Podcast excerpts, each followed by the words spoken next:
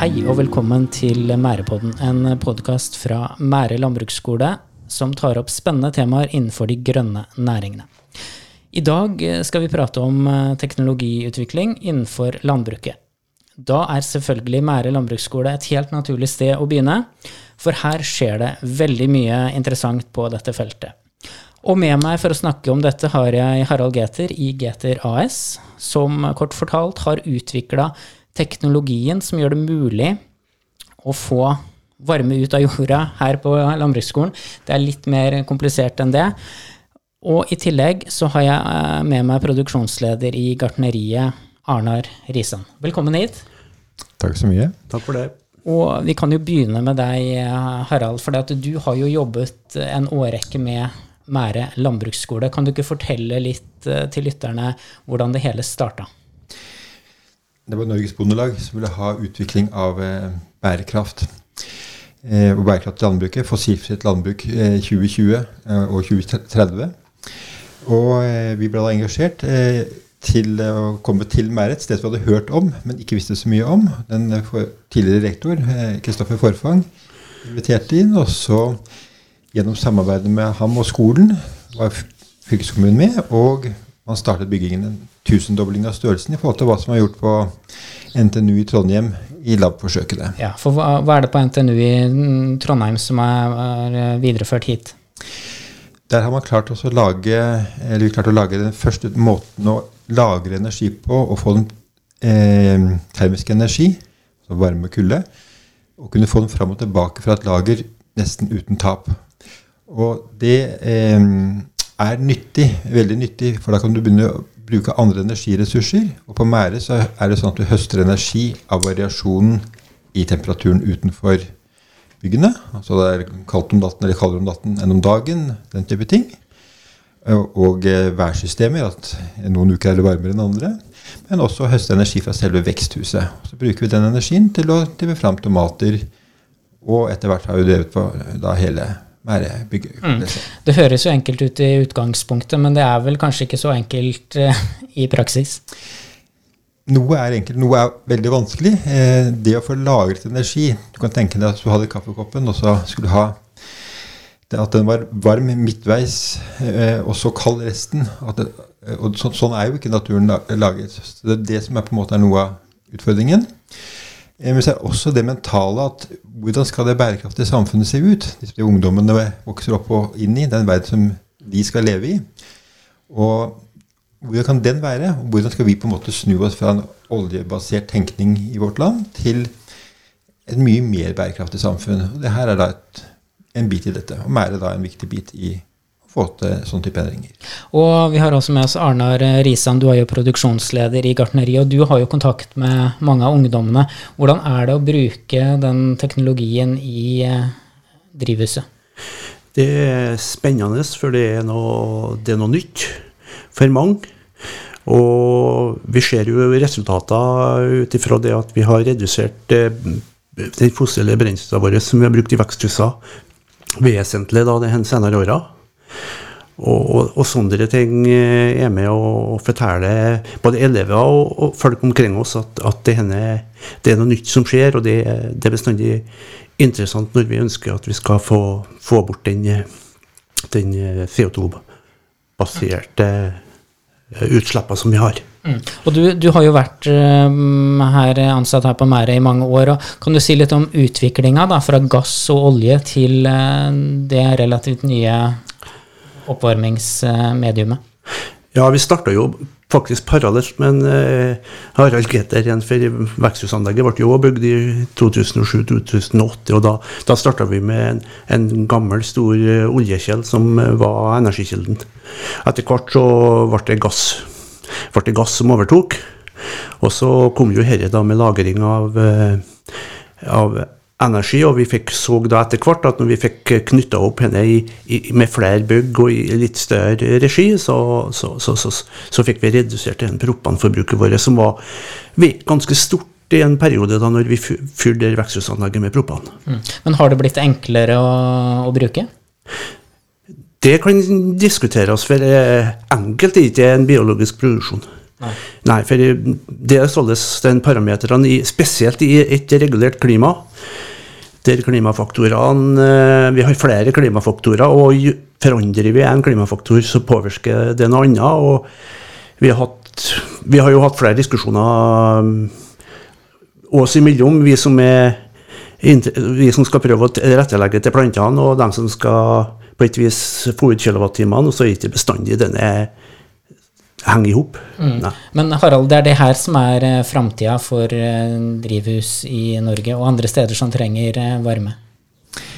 Dette er iallfall en av de, kanskje noen av de viktigste måtene å gjøre det på. Vi kan ikke fortsette sånn som det er nå. Det er fossil energi som går inn i betydelige deler av tomatproduksjonen eh, i Norge, f.eks. i Rogaland. Og den dagen kommer nok da man sier at dette tillates ikke mer. Vi kan ikke spise eh, tomater som har fossil energiavtrykk. Da er på en måte veien eh, fremover. Eh, I hvert fall én av veiene. Ja, men Fortell litt mer om eh, hvordan det her fungerer på en enkel måte. For det er jo varme som hentes via en varmepumper. I, henter luft da, og, og den varmen går da ned i store vanntanker under bakken. Og så hentes da den varmen fram igjen når det er kaldt vær. Men kan du si litt mer inngående om hvordan det egentlig fungerer? Ja, nå er det flere steder man henter varme. Man henter det ut i luften. Eh, sånn at den, der eh, er det sånn at man henter den varmen når den er på det varmeste, og da jafser man liksom til seg eh, den varmebiten da. Og så lagrer man det. Så da, si at du klarte å ta i løpet av to-tre timer en fin soldag, så tok tak i varmen på den temperaturen da, og så holdt du den over hele natten, så slapp du på en måte den type problem. I veksthuset er det sånn at det er, en stor solfanger. Det er jo egentlig bare glass der. Så skinner solen på det, og det blir godt og varmt. Og det varmes også opp. Og så er det på en måte å høste den varmen opp under taket. Eh, for der skal den ikke være. Og så skal den flyttes på en måte ned til underplanten igjen. Eh, og det er det som man da gjør. Og vi gjør det på den måten her. Så holder man lukene, lufteluker, som man tradisjonelt har hatt, eller har, igjen. Da kan man ha CO2-nivået som plantenes mat. Eh, at det er høyere i veksthuset. Plantene gror bedre, og det gir større avling. Og nå var det kanskje 32 kilo per kvadratmeter da vi startet, og nå passerer vi vel 60, tenker jeg. Den der, eh, Ja. Og energiforbruket har jo gått voldsomt ned også. Innkjøpt energi har gått ned kanskje rundt 85% Ja, og Det er jo utrolig bra. Og den teknologien her den har jo nå blitt solgt eh, til andre steder i landet, bl.a. i Oslo-området. I hvert fall så, eh, ja, er, Den er i bruk allerede. Og når det skal bygges et uh, nytt utstillingsveksthus i Oslo for uh, rundt eh, 800 millioner eller noe sånt eh, kostnad, kanskje opp mot en milliard, så er det mæreteknologien som ligger til grunn for det, eh, med energi- og klimaløsningen som er prøvd ut eh, her ved mæret, og skal da på en måte plasse på tropiske planter og, og hva nå det kan være for noe der. Mm. Da du starta det arbeidet her i 2007, hadde du da eh, forhåpninger om å nå så langt som dere har gjort i dag? Jeg tror man jo veien blir litt til mellom man går. Jeg hadde vel ikke tenkt det på den måten. Eh, men jeg synes det som skal sies, da, er at Mære er en sentral knutepunkt i, i det å koble eh, undervisning med forskningsmiljøer, men også mot praktikere som skal ha det som sitt levebrød, og som skal skape næringer for de som er elever. Og da er det et veldig godt sted å være, og så er det en inviterer et sted å være. Man ta, bli tatt godt vare på av Arnar og andre rundt. Ja, ja. Og kommer det nye ideer eh, fra GTR AS? For det er, jo, det er jo det firmaet ditt heter. Kommer det nye ideer som du skal lansere for Arnar og Ja, her? ja, det skal vi. Skal sammen få til mer. enn Bare nettopp i år startet da med helårsproduksjon, interproduksjon da, eh, som er flyttet om i forhold til tidligere. Og det blir jo spennende å se hvordan det går nå. Nå tror vi vel at vi har aldri hatt så fine planter som vi har nå. Og Mæra selv gjort et veldig eh, arbeid med Arnar i spissen til, eh, med poding av tomatplanter og den type ting. Mm. Hvordan syns du arbeidet med, samarbeidet med Geter er, Arnar? Jo, jeg syns det er spennende. Det er, utvik det er utviklende for oss. Og vi må nevne det i en sammenheng til at vi har, vi har knytta kontakter mot, eh, med, med NIBIO og, og, og Rogalandsmiljøet, der all utvikling av uh, veksthusproduksjonen foregår. Slik at vi har en, en konsulent som er å, en, en, en, praktisk konsulent som er å hjelpe oss med jevne mellomrom. Og det er òg et samarbeid vi har fått til på bakgrunn av det hen, i, i, som vi har hatt nå da med, med Geter. Og sammen, når vi har fått kobla teknologi og plantekunnskapen sammen opp imot oss, så ser vi jo at vi alle sammen lærer av hverandre og får utvikling. Og det jeg, har jo holdt på med tomatproduksjon nå i mange år, og motivasjonen min er jo det er artig å se den kurvene vi lager på, på avlingsstatistikk hvert år, der vi ser at vi får et ganske stort gap fra år til år på, på, på at avlinga øker. Mm. Men blir det bedre tomater, eller i hvert fall blir tomatene like bra, og blir de rimeligere pga. at dere bruker mindre energi for, uh, i produksjonen? Nei, Smaksmessig så tror jeg det er andre ting da, som er viktig. Det har med høstetidspunkt og, og, og, sortsvalg å gjøre. for at uh, Det er jo en kjensgjerning at de sortene vi bruker til direktelevering, er noe vesentlig annet enn sorter som de bruker i en angurproduksjon nede i Rogalandsområdet, der egenskapene i forhold til at det skal både sorteres maskinelt og transporteres på en, på en lastebil lang vei, er nødt til å ha en annen type tomat som tåler mer håndtering enn det den vi bruker. Som sannsynligvis da kanskje gir en 5 mindre avling, men smaksmessig er, er mye bedre enn eh, enn andre typer. Mm. Og Harald, det, det varmelageret her eh, som ligger under bakken på Mæret, det har jo øh, Det varmer i dag opp rundt 11 000 kvadratmeter med bygg. Er potensialet enda større her? Det kan, kan det også være. Eh, ja, altså Man startet da ut med ett mål, tomatveksthus. Eh, og så har man tatt hele veksthuset, som er på ca. 3000 kvadratmeter. Tre mål. Eh, som da er kilden til energiforsyning for hele mæranlegget. Så kan dette bygges ut innenfor eh, andre avdelinger som man har, og til annen type ting. skal du si Tørking av korn eller ja, mange forskjellige formål som man kan komme mer til siden. Men akkurat nå så er det tomatproduksjon å få den avlingen så høy som mulig med så god kvalitet som mulig.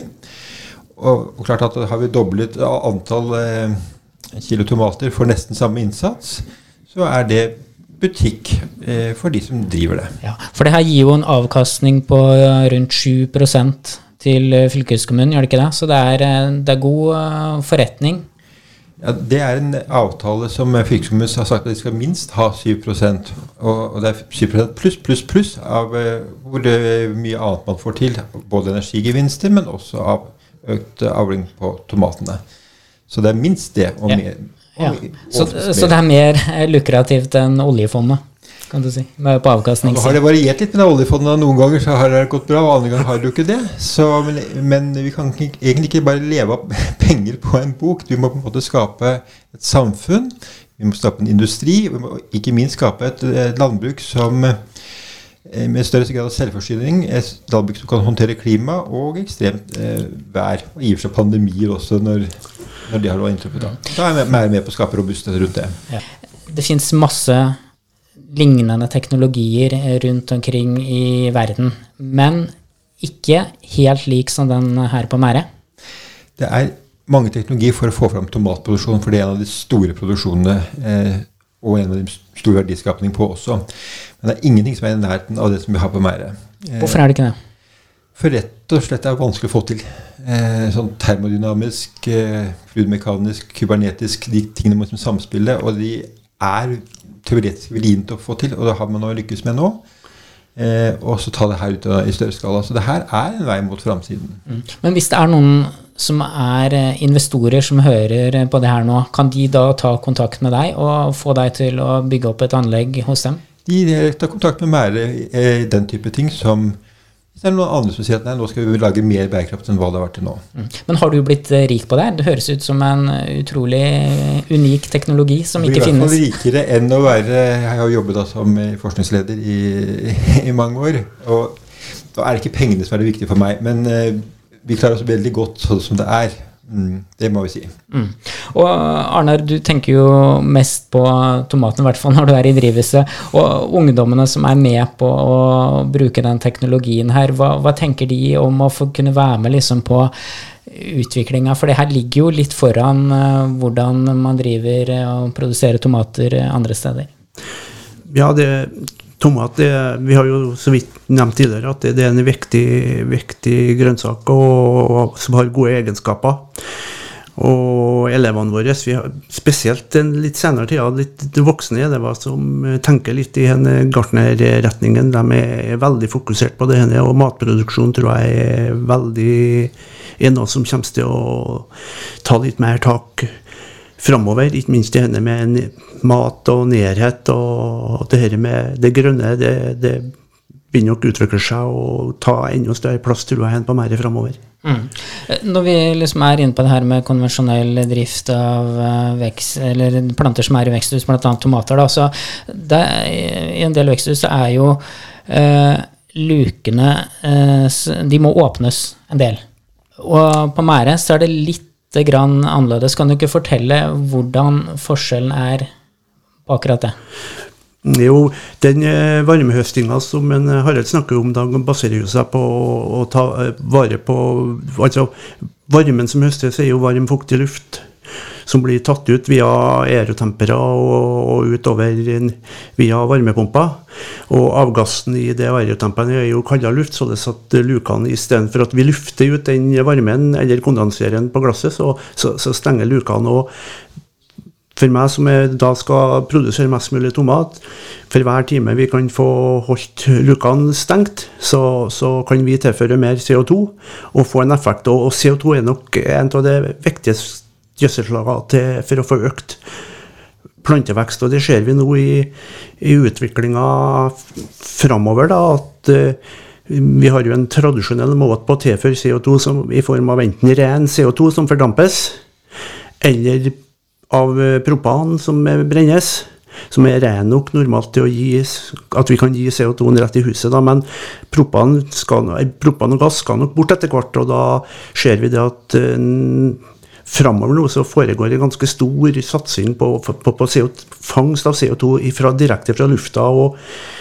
i litt mindre dyrkingsskala så er tilførsel enda mer å, å holde tette hus og tilførsel som mer CO2, er det et stort potensial i forhold til avlingsøkninga. Mm. For, for, i dag så er det jo sånn at rundt 20% av energien som brukes i klimareguleringa i uh, veksthuset, det kommer uh, utafra ja. Fortsatt. Og uh, kommer vi noen gang dit at man ikke trenger annen, en annen energikilde enn uh, den som kommer fra varmelageren i bakken?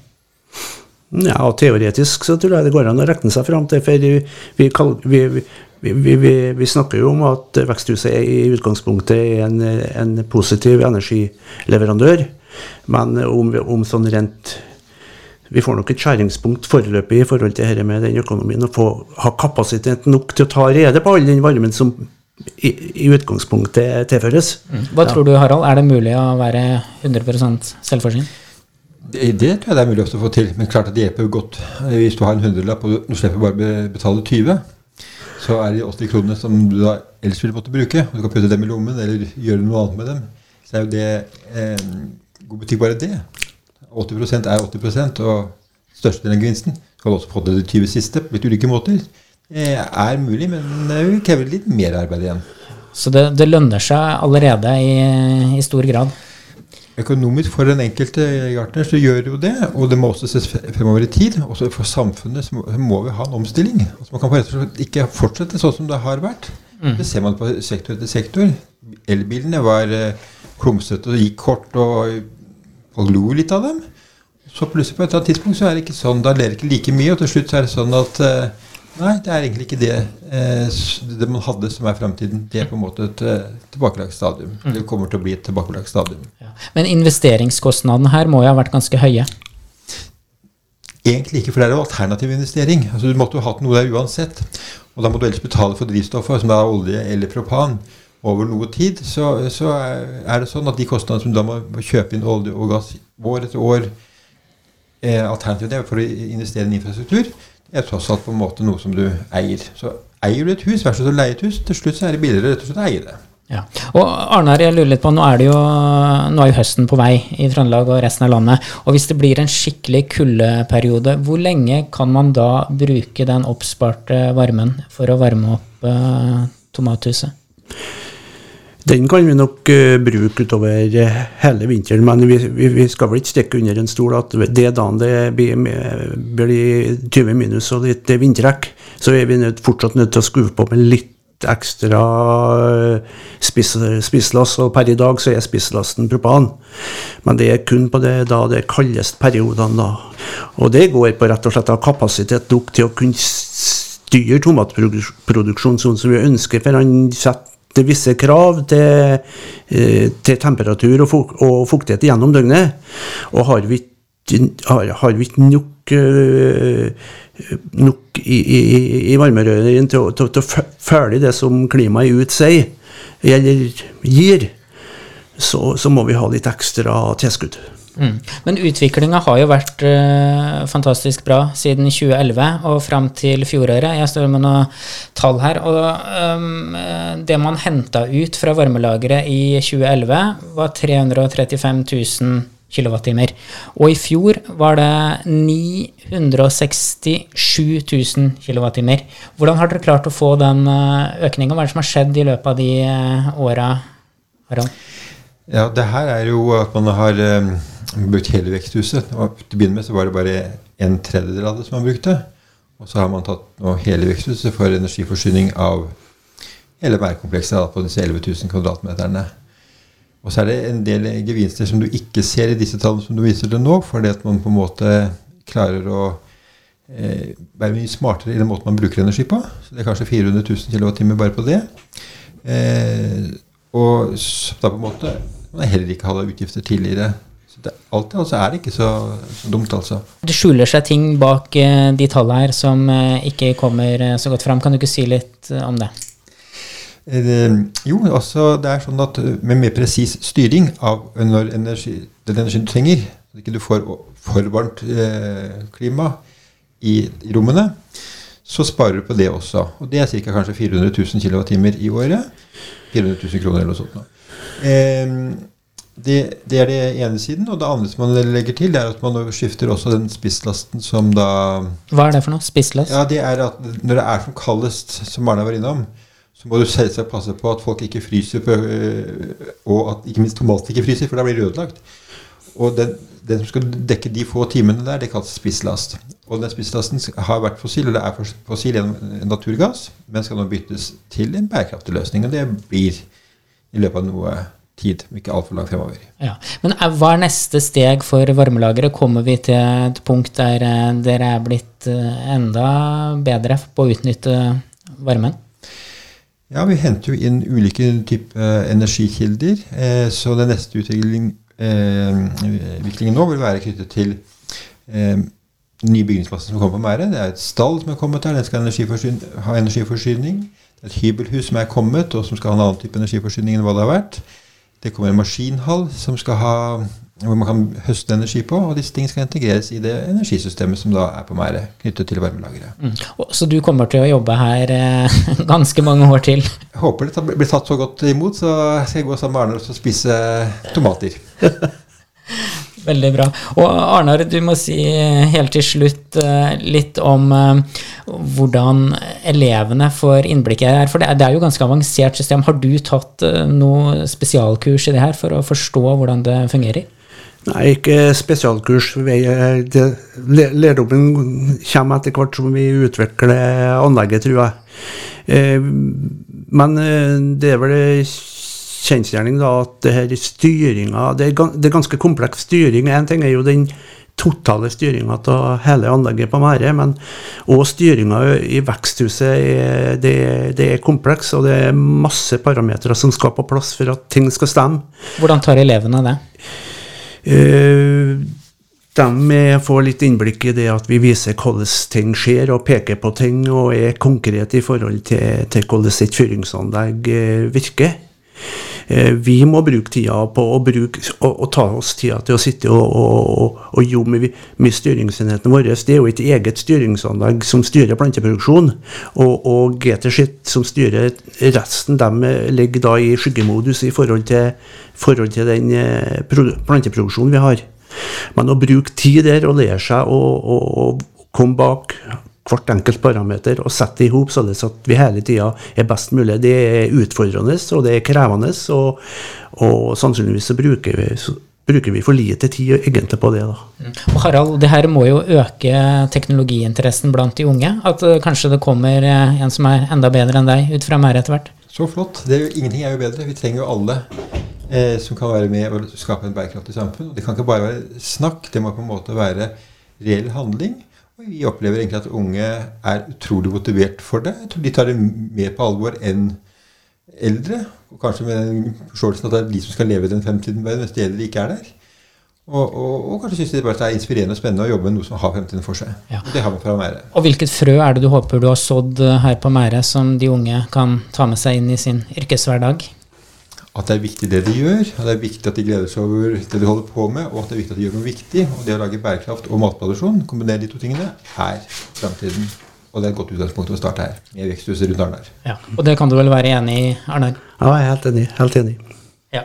Og med de eh, orda så sier eh, Mærepodden takk for seg for denne gang. Takk til eh, Harald Geter i Geter AS og Arnar Risan, som er produksjonsleder i Gartneriet. Vi er tilbake neste uke.